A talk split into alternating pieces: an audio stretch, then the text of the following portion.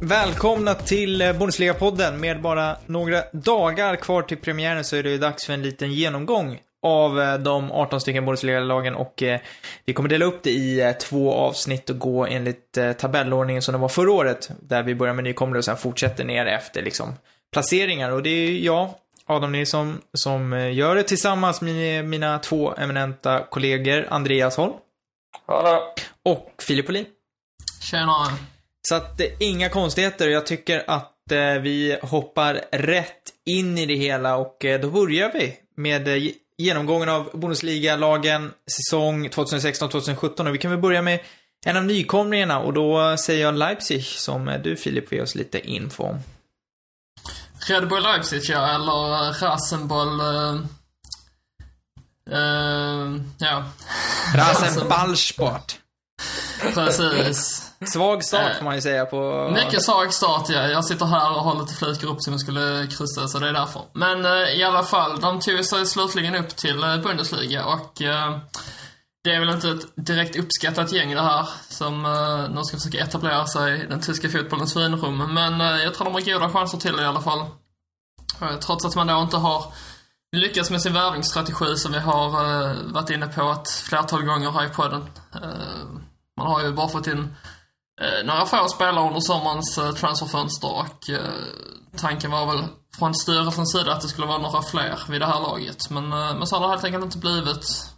Och istället så får man jobba vidare på i stort sett samma trupp som man hade under den förra säsongen. Men jag tror i alla fall att det kommer att räcka till en någorlunda stabil placering i tabellen. För man har helt enkelt den kvaliteten som krävs för att, uh, för att ta ett mittengäng i, i, i Bundesliga.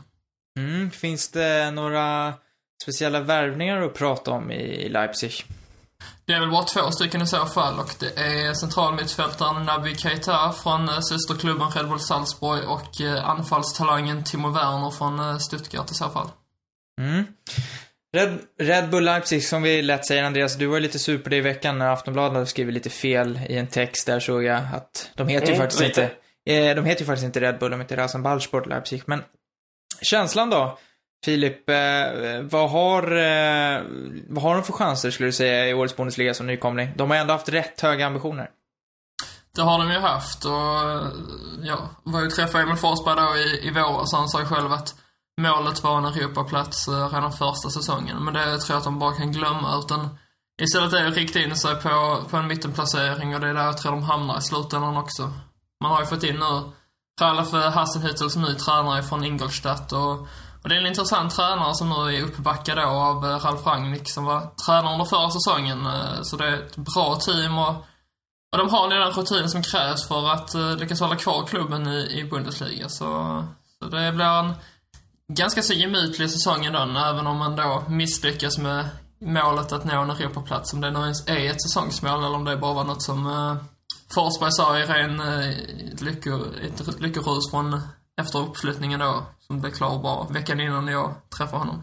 Mm, vad skulle du säga är deras eh, stora liksom svaghet, eller vad ser du för svagheter i det här Leipzig? Nej men det såg vi ju redan under förra säsongen. Det krävdes ju, den, det var väl först i den näst sista omgången som man säkrade det hela och eh, man är ju ett svajigt gäng. Eh, det, det är ganska så mycket orutin, ett ungt lag så, så spelarna behöver ju tid på sig för att etablera sig och, och ja, jag, jag tror helt enkelt att man, man kommer få det lite jobbigt men, eh, men samtidigt så har man den kvalitet och, och den eh, talang som krävs ju för att, för att överleva. Vad eh, tror du om Leipzig, Andreas? Håller du med Filip? Ehm, ja, men det gör jag nog i det mesta. Eh, jag tror absolut att Leipzig eh, kommer komma upp här som ett lag för att stanna i, i Bundesliga. De musklerna har de ju åtminstone rent eh, eh, ekonomiskt. Eh, samtidigt så är det ju en del frågetecken och eh, insatsen här i helgen mot Dynamo Dresden eh, var ju kanske inget styrkebesked heller. Även om det såklart är en väldigt speciell match på många sätt och vis. Och, som man ska vara försiktig och dra några växlar av. Eh, Men eh, annars så eh, håller jag väl med Filip i, i stort. Och man får ju säga att det, det är ju en klubb som på något sätt liksom berikar Bundesliga med tanke på att de är, de står ju ut med hela det här ägarskapet och diskussionen kring det och att de ändå har rätt stora ambitioner. Men eh, vi är alla överens om att de ändå med största sannolikhet kommer säkra kontraktet utan kval. Ja, jag tror det i alla fall och eh, vi får helt enkelt acceptera att eh, Leipzig numera är en del av Bundesliga. Kommer få bli det i ett flertal år framöver som det ser ut i dagens läge i alla fall. Mm. Vi eh, går från en nykomling till den andra och eh, då är det jag som ska prata lite Freiburg som är tillbaka efter ett år i Zweite Bundesliga. Åkte ur eh, och kom tillbaka direkt efter att ha gjort en fantastisk säsong med rätt små medel där man satsade mycket på egna talanger och egentligen inte värvade in särskilt mycket och klev upp som första lag att göra det. Så att eh, en eh, riktigt imponerande säsong eh, har Freiburg bakom sig och det är ju mycket tack vare tränaren Christian Streich som vi alla känner till. En liten favorit för mig faktiskt, som är lite småtokig, väldigt ärlig, en väldigt skön figur att följa, tränaren Streich, som har ett väldigt gott liksom anlete i Tyskland och har jagats av bland annat Leverkusen tidigare. Nu kom han ju upp, har haft en försäsong som egentligen, det finns inte så mycket att nämna. De slog Darmstadt med eh, 3-1 och sen så förlorade de mot Milan, men eh, i stort så har det varit rätt dåliga lag man har mött, så man ska nog inte dra för stora växlar av vad de har gjort där. Sett till vad de har värvat så har det ju inte heller kanske spenderats liksom några stora summor och det är ju lite Freiburgs hela liksom grej, att man inte lägger så mycket pengar. Man är, man är en klubb som lever på små medel och de flesta värvningarna kommer från Zweite Bundesliga, det kommer någon från Turkiet, så det finns egentligen inte, i mina ögon, någon som egentligen står ut så mycket. Det är den här Jonas Meffert som, som eh, var bra i Karlsruhe, som Leverkusen värvade tillbaka till sig och nu har släppt till Freiburg i sin tur för att tjäna in lite pengar. Eh, ser ju lite eh, intressant ut. Alexander Ignovski från Frankfurt, eh, duktig spelare som har gjort det bra i Bundesliga tidigare, men på det stora hela så är det ju liksom en trupp som eh, består från Zweite Bundesliga och eh, om man liksom ska prata om någonting som är styrka så är det ju att de har fått behålla liksom sin stomme. De har kvar de flesta liksom spelarna som, som de hade förra säsongen som de gick upp med. Och eh, jag nämnde det bland annat på min blogg Fotbollskanalen, men en spelare verkligen man tycker liksom ska hålla koll på så är det Vincenzo Grifo som är en mittfältare, riktigt, riktigt bra, gjorde mycket mot fasta situationer. Jag tror han gjorde typ 29 poäng eh, förra säsongen i Zweite Bundesliga, en riktig lirare. Men lite av det här är också lite Freiburgs kanske svaghet. Man vet ju inte riktigt vilken nivå de håller. Kommer det hålla för Bundesliga? Det visade sig hålla i Zweite Bundesliga. Det här är en helt annan nivå. Men sett till historien så eh, borde de klara sig. Så det är väl lite Freiburg år och jag jag vill väl någonstans tro att det här ändå ska hålla med tanke på att Streich är en duktig tränare och att de var så pass bra i Zweite Bundesliga. Men jag tror att de får kämpa lite mer än Leipzig. Och det kan låta konstigt med tanke på att Leipzig kom upp som tvåa. Men Freiburg har inte riktigt den här edgen i laget. Utan det är ju liksom laget är den stora stjärnan. Så att eh, det kommer nog bli liksom en, en kamp där nere. Men jag tror att de klarar sig kvar i slutändan. Så eh, det är väl lite vad jag har att säga om Freiburg. Vad eh, tror ni? Vad tror du Andreas om Freiburg? Uh, nej, men jag tycker att de ser lite tunt ut uh, bakåt då. Uh, de har ju några spelare framåt med rutin i olika slag som Petersen bland annat och Håvard Nilsson.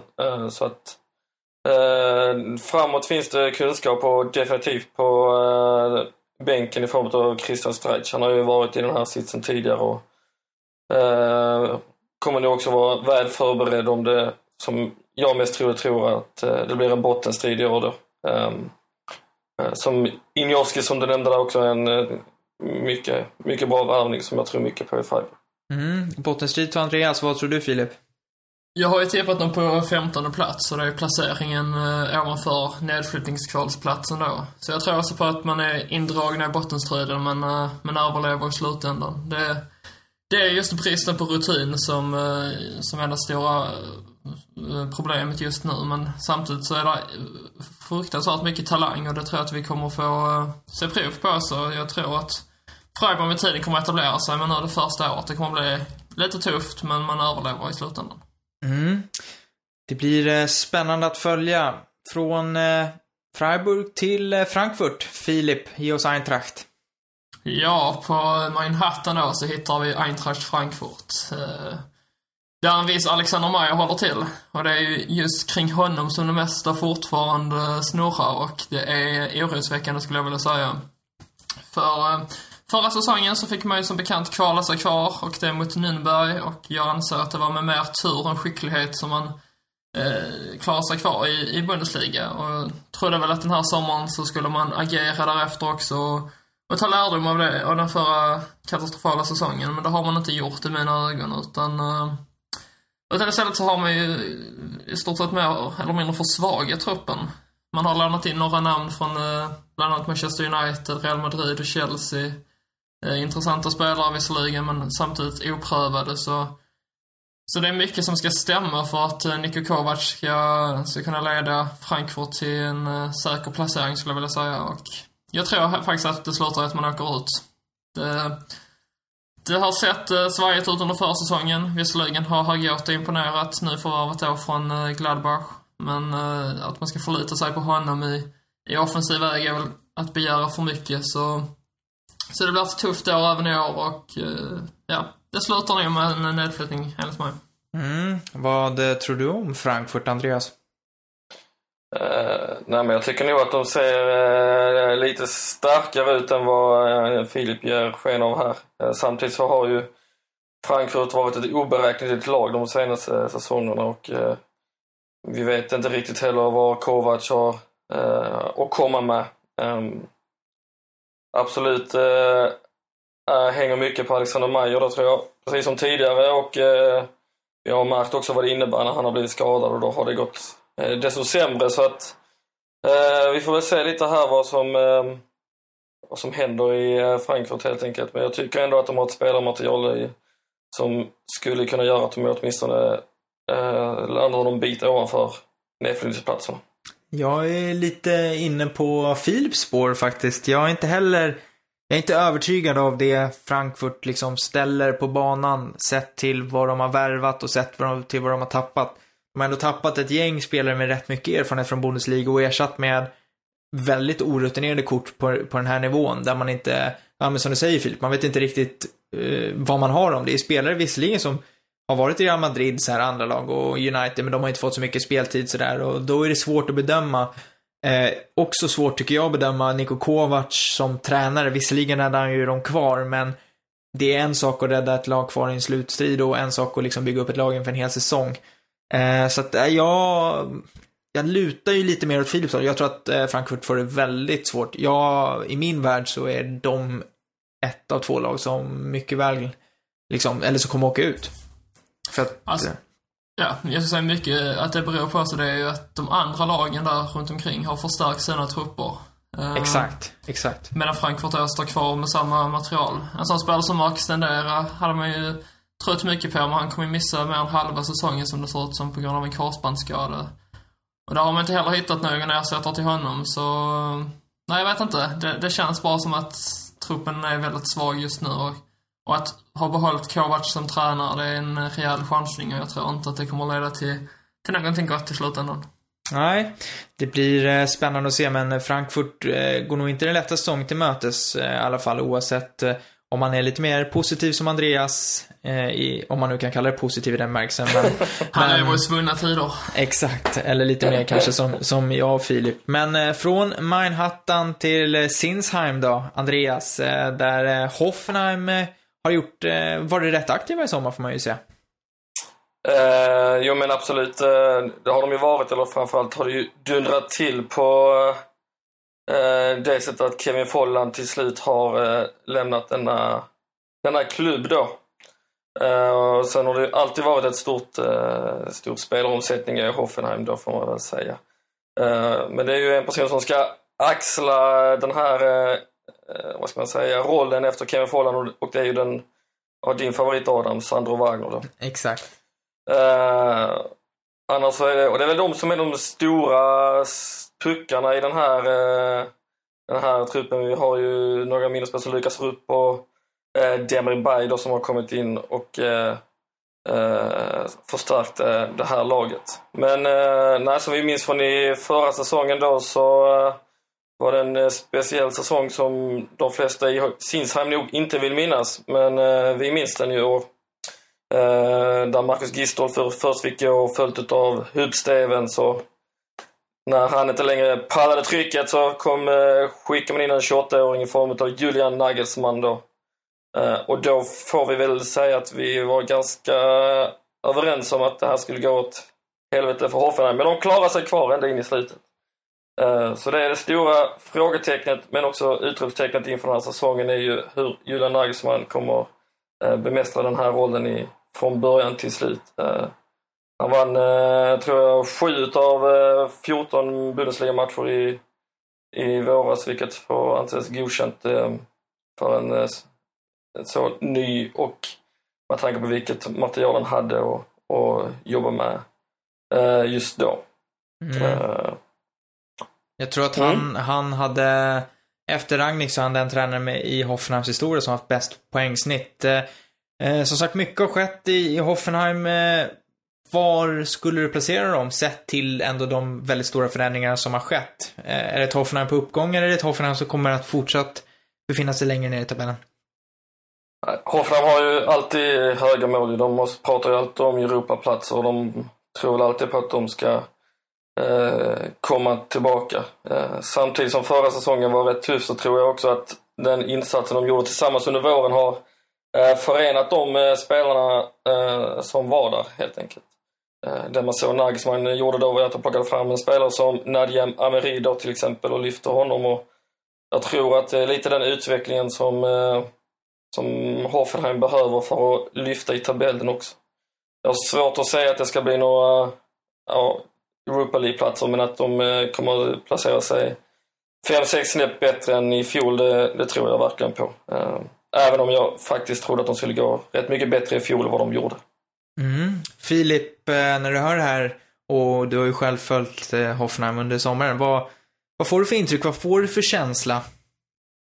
Jag får en känsla av att det är ett Hoffenheim som har börjat tänka om lite.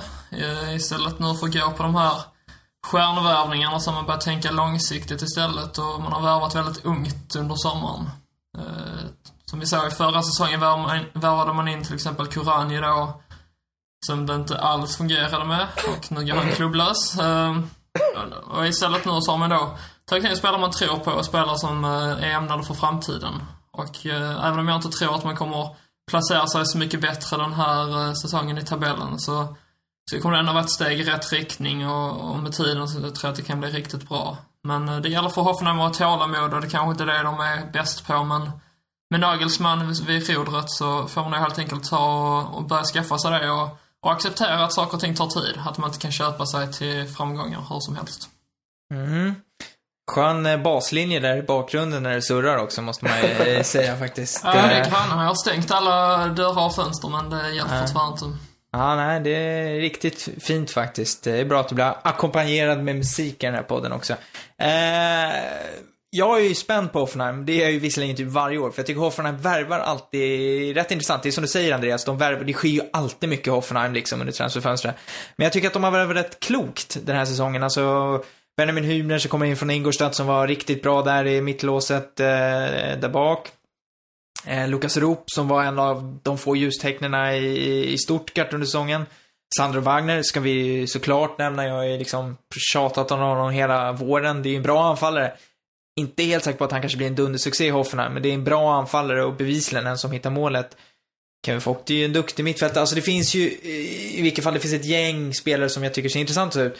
Så att jag tror ju på ett rejält lyft för Hoffenheim. Sen är jag med dig Andreas, Europa League om man har riktigt, riktigt bra säsong, om man gör en Hertha Berlin-säsong, ja då kan ju Europa League ske, men jag vet inte om de är riktigt där än och jag vet inte om det skulle gynna dem heller att gå dit direkt. Känslan är att de skulle behöva sluta sådär 9-10 och sen liksom riktigt ta avstamp, men nej. Jag är lite spänd på Hoffenheim, det måste jag erkänna. Jag tror, jag tror mycket på det som Filip säger också, eller det märks väldigt tydligt att det är ett Hoffenheim som har tänkt om. De har inte gjort de här eh, jättebra hopp, eh, i form av exempelvis Kuranj utan eh, smarta, sunda värvningar, inga supermiljoners belopp, eh, inte ens för Sandro Wagner. Eh, Nej, exakt. Och eh, eh, visserligen har man eh, då tappat Kevin Folland, men det var ju bara en tidsfråga. Det känns som att han kunde lika bra ha gått för två, tre år sedan. Eh, så att den, den eh, förlusten har man ju lite väntat på, kan man säga. Eh, jag tror ändå att eh, de som lyssnar också undrar eh, hur det kommer gå för Jiloan Ahmad. Eh, man får ändå säga att det verkar som att allting talar för att han kommer att försvinna. Mm. För att speltid i, i Hoffenheim kan han ju inte förvänta sig. Men frågan är var han hamnar. Eh, en tänkbar adress, det har inte ryktats om det, men det skulle kunna vara Darmstadt. För det är ju nästa lag i, i vår eh, genomgång. Och eh, Snygg! Ja, den segwayen, hade jag låtit självsäker så hade den varit bra. Men... Och jag som eh, tänkte paja den med att säga att Ben Hatir precis hade blivit klar för eh, Darmstadt. Men det sa jag där inte. Nej, exakt. Eh, men Darmstadt i alla fall, förra årets eh, nykomling, en av de två. Eh, superöverraskning som gått rätt genom seriesystemet från Dritteliga till Bundesliga. Och klarade sig kvar, otroligt nog, eh, trots att man knappt spenderade någonting i övergångssummor och man klarade liksom värvade in spelare som andra klubbar inte vill ha. Och eh, alla hyllade ju Darmstadt och nu ser det ut som att man går en betydligt tyngre säsong till mötes. Dels så tränaren Dirk Schuster försvunnit, som har varit mannen bakom alla de här framgångarna, som har gjort liksom det stora jobbet genom åren. Han har ju försvunnit till Augsburg. Viktiga spelare som Sandro Wagner som vi nämnde precis, eh, Slobodan Rajkovic, Christian Matenia, alltså väldigt många i startelvan har försvunnit. Och man har inte riktigt lyckats ersätta dem. Men Darmstadt är ju ett lag som också värvar mot slutet av transferfönstret. Man tar in liksom sista minuten värvningar för att de inte hittar några andra klubbar. Vi har ju bland annat sett Alexander Milosevic som hamnar i Darmstadt. Var ju i Hannover i våras, blir kvar i Tyskland då. Och eh, det blir spännande att se vad han kan göra. Det känns ju jämfört med de andra namnen som ett rätt spännande namn för Milosevic visade ju Hannover att han ändå håller Bundesliga-nivå. Sen så kommer han få det tufft i Darmstadt. Men som du nämner Filip, Ben Hatira kom in idag från Frankfurt, har ju varit i Hertha Berlin innan. En duktig fotbollsspelare. Och i Hamburg. Och i Hamburg såklart, alla har ju varit i Hamburg. Annars Precis. inte, annars inte Filip vetat om det om man säger så. Och på tal om Hamburg, Sven Schiplock har man ju lånat in också. Eh, Klein Heisler från eh, Werder Bremen, alltså det är ju habila fotbollsspelare men det är ju inte så att man direkt trillar av stolen och ja, det är svårt att se att Norbert Mayer, tränare som han har hämtat från Armina Bielefeld, ska kunna överleva med det här laget. Alltså det, det ska ju till tre dundervärvningar minst för att jag ska kunna se att Darmstadt ska kunna klara sig kvar. Försäsongen har inte varit fy skam, men nej, det här, eh, det här har jag svårt att se att det ska flyga ytterligare ett år i, i Bundesliga.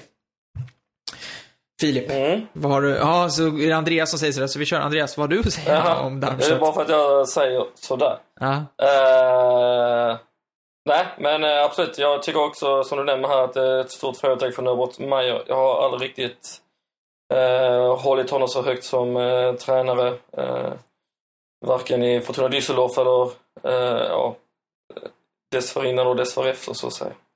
Eh, samtidigt som tycker jag väl ändå att Darmstadt har ett, eh, gjort några intressanta värvningar och Eh, absolut inga värvningar som kommer att ta dem till några högre höjder men Ben, Benantira och Chiplock och så vidare, det är spelare som kan ändå hjälpa det här laget väldigt mycket i, i en eh, bottenposition så att säga. Eh, så jag vill nog inte räkna ut dem helt även om jag är rätt övertygad om att de kommer få det tufft. Mm, vad tror du då, Filip, om eh, Darmstadt? Nej, men jag håller med Andreas och tror så att det blir en Europaplats till slut för Darmstadt. De eh, har värvat starkt i sommar och, uh, och de kommer verkligen. Nej, jag skojar bara. Herregud. Eh, de kommer att åka ut så det sjunger om det. Ja. Det Det finns inte mycket som uh, Vad sa, kan ni, träna vad sa ni inför förra säsongen då? att de skulle åka ut så det sjunger om det. det gjorde i sig jag också. Ja. Det fanns i, i, alltså jag har inte hittat ett enda tips som i, för, från förra säsongen där någon hade faktiskt gissat på att de skulle klara sig kvar. Men, eh, ja Filip, vill du motivera vidare?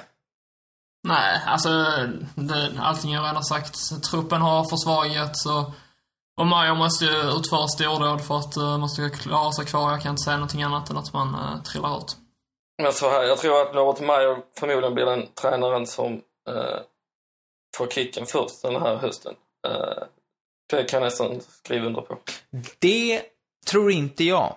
För den som kommer få sparken först, det är ju Viktor Skripnik som kommer från nästa klubb vi ska gå inom, Werder Bremen. Ytterligare en klubb som har tilldelats mig, av mig. Eh, Skripnik som eh, varit kritiserad redan förra säsongen och inte verkar ha fått med sig spelargruppen i, i varit lite interna problem och sådär. Bremen eh, gick ju, var det 32 omgångar förra säsongen utan att hålla nollan. Eh, och sen lyckades man mot Köln i en tråkig 0-0 match, men eh, de hade lite defensiva problem, släppte in näst flest mål av alla. För de snittade mer än två insläppta mål per match förra säsongen, vilket är osannolikt dåligt. Eh, men sommaren har gjort dem gott. Max Kruse har kommit in, det stora namnet från Wolfsburg. Går då såklart att skada sig det första han gör i eh, helgens cupmatch mot eh, Lotte i Dritteliga som han förlorade. Och helt plötsligt så höjs då ju frågetecknen igen. Är Skriptik rätt? Tveksamt, kan, tycker ju några. Eh, jag, jag vet inte var jag står, men jag tror att det kan börja blåsa fort om Skripnik om det går dåligt i inledningen av ligan. Och Bremen inleder ju med tuffast möjliga motstånd med att Bayern München borta på fredag kväll och eh, sett till tidigare år så lär det bli stor förlust.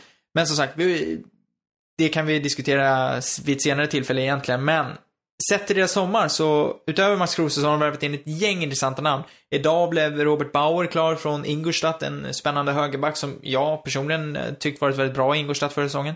Florian Kainz, som eh, Filip pratade om i några poddar, känd från Rapid Wien, som är en poängspelare, har imponerat där. Du har Jaroslav Drobny som kommer in som andra målvakt och ändå spetsar den målvaktsuppställningen skulle jag säga och säkert kommer få mer speltid än vad man kan tro, även om han uttalas som en andramålvakt just nu. Justin Eilers var jättebra i den mot resten förra säsongen, gjorde mycket mål i Dritteliga. Sen är ju frågan, hur håller det när det väl kommer till liksom Bundesliga? Och eh, Luca Calderola kommer in eh, igen efter då var utlånat till Darmstadt, gjort det bra där. Man har tappat Jes, vad heter han? Jesper Westergård. Han heter inte Jesper va? Jannik. Eh, Jannik Westergård. Westergård eller Westergaard, jag är dålig på det där när det är två alltså, men jag tror, tror det är liksom, det är det stora tappet. Man tappade Anthony Udjo också, men jag vet inte hur mycket det kommer svida. Eh, men alltså, sett till hur de har värvat och sett till hur de har tappat så ser Bremen betydligt bättre ut. Men jag är orolig för att det kommer börja blåsa snabbt kring Skripnik och att man liksom säljer sig själva lite där. Så jag inte, jag vill tro att Bremen kommer lyfta sig, men då krävs det att man börjar få ändå, man får en hyfsad inledning och får lite lugn och ro. För att eh, problemet är i Bremen här att det har varit lite oroligt hela tiden. Eh, inte på Hamburg-nivå, men det är någon sorts liten oro där som, som ligger i gnager. Men nej, jag, jag, sker inte det, då tror jag Bremen kommer hoppa upp lite och inte behöva oroa sig om nedflyttningsstrid. Så Filip, du som är Hamburg-supporter och eh, som då är stora rivalet till Bremen, vad, vad säger du om det här Bremen? Och expert på bottenlag eller? Exakt. Eh, nej, men jag tycker som du sa, Bremen har något intressant på gång här. Eh, sen är ju det stora frågetecknet runt just tränaren. Han har ju varit ämnad för, uh, uppe på tapeten då för att få sparken, men har av någon anledning blivit kvar. Det kan jag tycka är ett ganska så oklokt beslut. Men uh, det blir väl lite hans sista chans nu att, att bevisa om han är någonting att satsa på. Eh, sen någonting annat som är ett frågetecken är väl just försvaret. Man har gjort sig av det som sagt, med Westergaard och Djibouti har ju också försvunnit som var inlånad från Chelsea. Eh, och nu är det helt plötsligt helt nya mittbackar då som ska försöka ersätta dem och det vet man alla var det slutar. Bremen har ju haft för vana och har stora problem eh, med, defensiven så så det, det, det, är mycket som eh, ska limma på en gång, det är det. Men eh, samtidigt så är det individuella spel, eller spelare som har den här individuella skickligheten som eh, har efterfrågats. Så Får de ut sin fulla rätt så, så tror jag nog att det kan bli en eh, någorlunda rolig säsong. Och jag har ju tippat dem på eh, 12 plats, så det är ju en placering bättre än fjolåret och det får man väl vara nöjd med. Från ett eh, skönt bakgrundsbit i Ystad till Göteborg. Alltså, hörs det så mycket? Där det är lite... det hörs, det hörs. Men det gör inget. Det, det passade rätt bra till det du sa den här gången kan jag säga. Det var, han, han träffade rätt i grannen i bitet där. Andreas, eh, Bremen. Uh, Nej, men jag tycker att eh, med tanke på hur det såg ut eh, bakåt i fjol så tycker jag väl att man har gjort det, ja, eh, kanske hade efterfrågat en lite mer förstärkning defensivt än eh, det här lika med tecknet som man har skapat nu. Eh, det är väl det stora frågetecknet tycker jag. Eh, och jag tror inte eh, jag ser ingen förstärkning i den, i den backlinjen i alla fall jämfört med tidigare, tidigare säsongen så att säga. Jag är inte helt övertygad på att Bremen kommer eh, klättra uppåt den här säsongen. Jag tycker det fortfarande ser väldigt svajigt ut. Eh, helgen här mot eh, Lotte eh, eh sätter väl eh, lite, eh, ja, visar väl på det också. Eh, Falo Diagne på samma nivå som senast så senast han var i Bundesliga, för han var väl i Freiburg för ett par år sedan vill jag minnas. Eh, och eh, då är det väl kanske ingen eh, superbra värvning i mitt tycke. Nej, som sagt, lite frågen kring, frågetecken kring Bremen och vi har lite olika sagt. Lite defensiv, lite tränarfråga. Det, det är svårt med just Bremen. Men, Men 12 låter ju troligt. Det kan jag ju tillägga, som Filip lägger där. Ja, mm. man tycker att de individu har individuellt skickliga spelare nog att de ska kunna i alla fall lyfta sig lite jämfört med förra säsongen. Jag sa efter fem omgångar så är Drobny första målvakt. Ja. Det, det tror jag också. Det skulle ja. inte förvåna mig en sekund faktiskt. Någonting annat var faktiskt väldigt märkligt.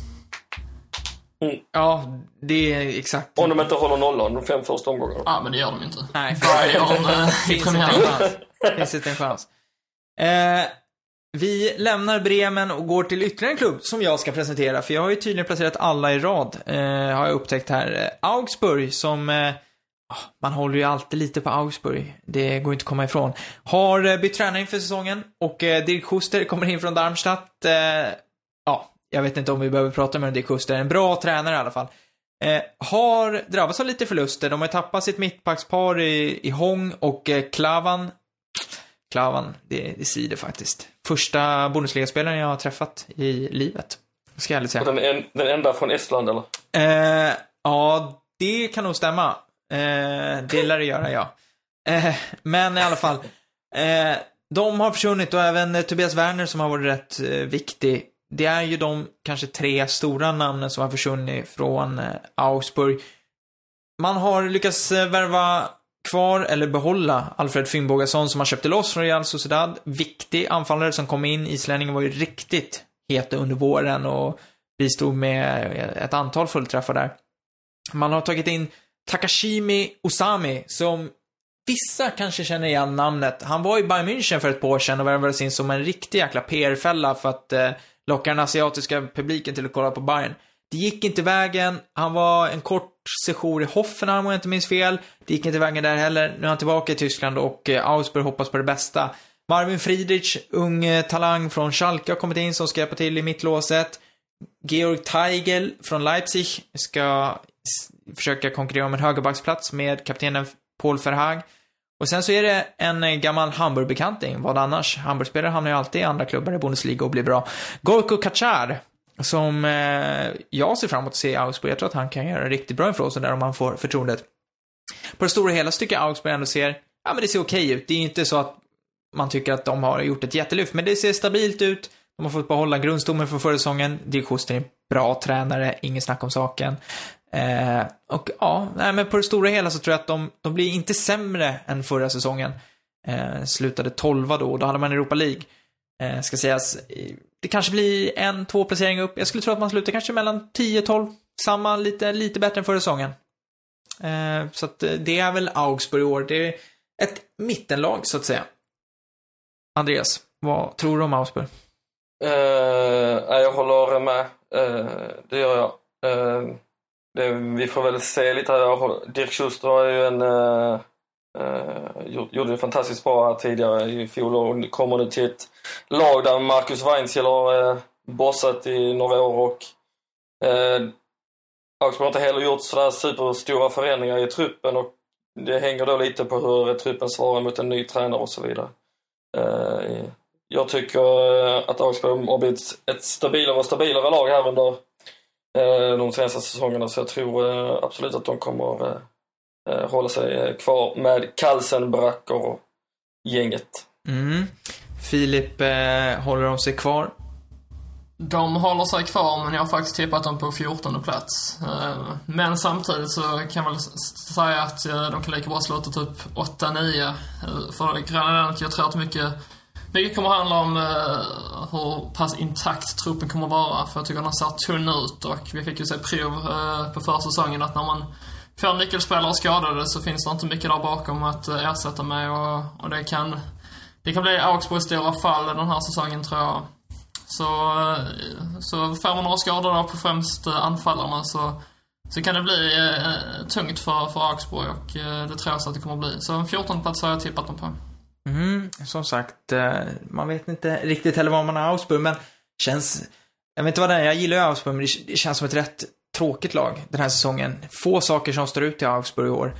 Det är Eh. inte direkt så att man, eh, man åker med, till- med kompisgänget ner till, till Augsburg och kollar en match. Nej, det är inte det laget jag skulle rekommendera faktiskt. Det, det håller jag med om. Vi pratade om en nykomling från förra säsongen i Darmstadt och den andra nykomlingen, Ingolstadt, höll sig också kvar. Andreas, vad har hänt i Ingolstadt eh, under sommaren? Ja, vad har hänt i Ingolstadt under sommaren? Det vill du veta? Det var Eh, retoriskt. Nej, men de har ju eh, i och med Schusters, inte Schusters, Hasenhüttels eh, flytt då, bytt tränare även Ingolstadt då och plockade in Marcus Kaczynski från den gamle Karlsruhe-tränaren då. Ett eh, något oprövat eh, kort på den här nivån då och eh, jag vet faktiskt inte riktigt vad, eh, vad jag ska förvänta mig av eh, den här coachen då. Det vet jag. Annars så- Det vet jag. Ja, Han, slu Okej, han, sl han slukar allt. Det ser man på kroppshyddan. Yes, ja det, det var ju bra. eh. Då kommer, det, då kommer det här, som jag anar, också gå åt eh, skogen för Ingolstadt i år. För att Mm man har eh, fått hålla sig ganska lugna på eh, transfersidan och eh, både Daniel da Costa och eh, Ramazan Özcan lämnar till eh, Bayer Leverkusen och man tappade Hübner till Hoffenheim och som du nämnde då, Robert Hau- Bauer gick ju till Bremen då, i, tidigare dag då. Utan några direkta förstärkningar då. Eh, varvat, eh, ska försöka uttala det här namnet nu då. Florent Hadergionaj. Ja, exakt. Jag har försökt. Den tungvrickan. Ja, från eh, Young Boys, eh, Robert Leipertz från Schalke. Eh, visst, det är en värvning från Schalke, men det är ingen spelare som har exploderat i Gelsenkirchen direkt. Eh, och eh, då en dansk målet i form av eh, Martin Hansen då. Eh, Ingolstadt hade ju en, en väldigt, eh, ska man säga, defensivt lagd eh, fjolårssäsong med få mål framåt och få insläppta. Eh, vilket också var det som tog dem till den ändå imponerande elfteplatsen som man, eh, som man har. Eh, däremot tror jag att, eh, som man säger, att andra året är alltid, eh, alltid eh, svårare och eh, att man inte riktigt kommer räcka till den här säsongen. Tycker eh, däremot att eh, Dario Lescano var en succévärvning i fjol och eh, kan han bara komma igång så kanske han kan hjälpa Ingolstadt lite på vägen.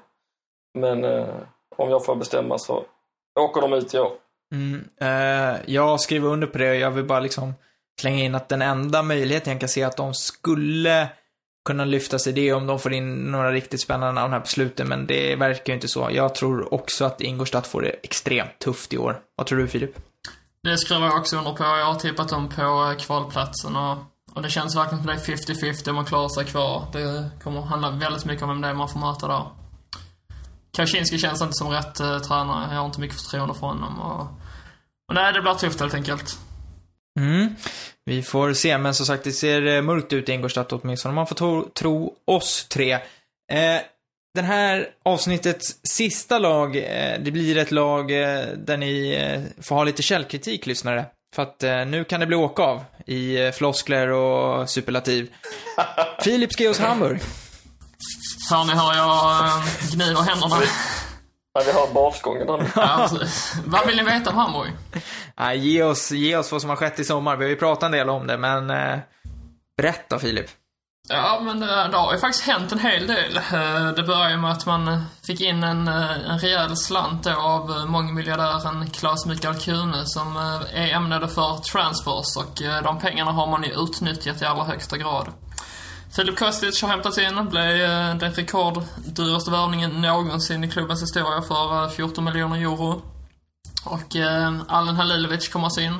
Kostade dock bara 5 miljoner euro, men eh, i mina ögon har han ju definitivt lika mycket eh, talang och potential som eh, Kostic. Och sen har ju Bobby Wood kommit, eh, Matenia har kommit, eh, Jatta, flyktingen från Gambia. Kan väl inte förvänta sig jättemycket av honom, men eh, också ett spännande namn. Och sen då Waldschmidt som jag kanske tror mest på av allihopa, förutom Halilovic. Eh. Så jag kan bara säga att jag är nöjd med, eh, med spelarna som har anslutit och sen har det även försvunnit en hel del men eh, det är faktiskt ingen av dem som jag kommer att sakna tror jag. Jag tyckte först det var tråkigt att Demirberg försvann men nu när Halilovic hämtades in istället så känns det som en betydligt bättre spelare än Demirberg. Eh, ja, försäsongen har ju sett bra ut tycker jag. Man har ju vunnit de flesta matcherna. Och sen, som vi pratat om tidigare, kan man inte dra allt för stora växlar av det. Men det är ju alltid ett gott tecken att kliva in i säsongen med många segrar. Eh, tills även vidare från första omgången i cupen. spelade man igår. Eh, slog ut Zwickau. Mål av Halilovic där. Bara 1-0 visserligen, men ändå. Förra året så åkte man ut i den första omgången, så, så det är ett lyft. Och, och samtidigt har man då fått behålla nyckelspelarna, så jag tror att man eh, kan förvänta sig en ganska så angenäm säsong och eh, slutar inte Hamburg på en bättre placering än vad man gjorde i fjol, det vill säga tionde plats, så, så kommer jag färga mitt hår i Tysklands eh, flagga. Mm. Det är ju ett löfte om något. Andreas, kommer Hamburg sluta på bättre än tionde plats? Uh, ja, de kommer att gå till Champions League tror jag. Det tror jag också. Nej, jo men det tror jag faktiskt. Uh, för en gångs skull så ska väl Hamburg kunna överraska lite också. Uh, det lilla jag har sett av Halilovic så här långt så uh, var det ju en vacker insats här senast med ett vackert mål. Jag skulle säga det är väl bara målet du har sett egentligen. Ja, precis. ska, ska man dra några växlar av det så är han ju Bundesligas bästa spelare. Ja, precis. Nej, men eh, Hamburg har ju förstärkt laget i sommar tycker jag och eh, får man bara komma in eh, med rätt anda i den nya säsongen här så det, bör de eh, sluta eh, ovanför eh, tionde plats. De har ju laget för det, eh, har publiken för det och har eh, truppen för det. Så, och tränaren för det också tycker jag. Så att eh, eh, något annat vore en besvikelse. Mm, jag har ju funderat mycket på Hamburg. Eh, de Bara har gjort... sågen av dem. Nej, men de, de, har gjort mycket bra, men eh, jag det är ju ett svänggäng. Man vet ju aldrig vad man kan förvänta sig av Hamburg. Det är väldigt bred pensel i Hamburg. Eh, så att, jag tror aldrig de kan nå Champions League, det tror jag inte. Men de kan nå Europa League. Alltså, för min jag tror aldrig de kan åka ur, jag tror inte de kan nå Champions League, men allt däremellan. Det kan, de kan hamna var som helst känner jag. Beroende på vilket år de har. För att ibland så blir pressen enorm och då vet man att då kan det gå käpprätt åt liksom.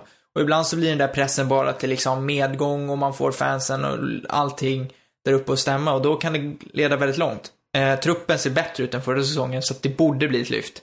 Men eh, jag vill ändå invänta och se hur, hur stämningen är där efter ett par veckor av eh, säsongen.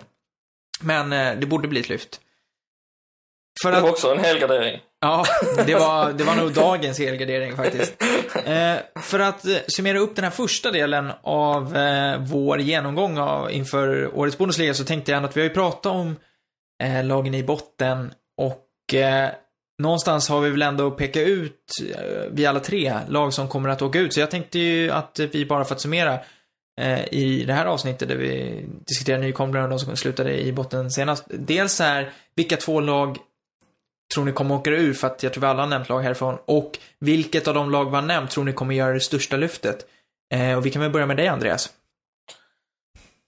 Och, eh, de två lagen som åker ut, då säger jag Ingolstadt och eh, Freiburg då. Mm. Eh, och så var det vilket lag som kommer sticka upp. Ja, vilket lag som kanske, ja, vi kan väl ta tabellmässigt, gör det största klivet eller liksom sätter störst prägel på den här säsongen kanske då. Då säger jag nog eh, Hoffenheim då. Mm. Eh, jag tror ju i form av nedflyttning att eh, det blir förra årets nykomlingar, Ingolstadt och Darmstadt, som åker ur direkt. Och sen så skulle det inte förvåna mig om Frankfurt får kvala och åker ur. Eh, det, det känns som att de kan få kvala återigen. Eh, och jag tror inte på dem ett dugg.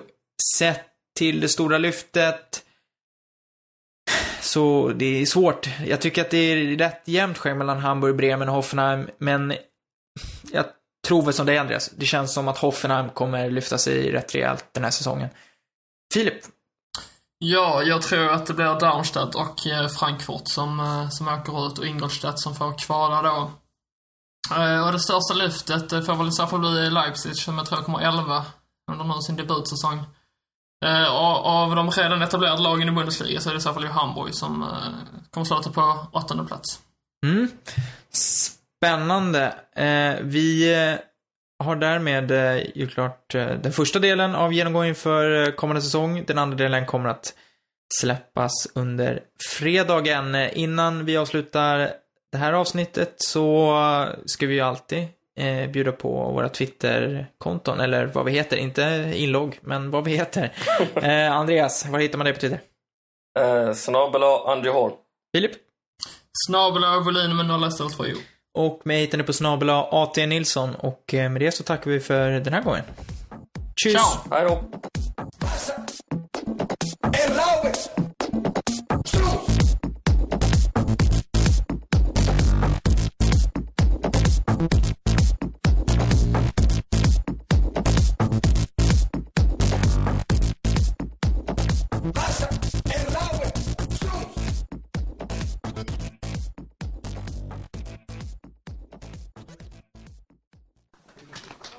Capeferti.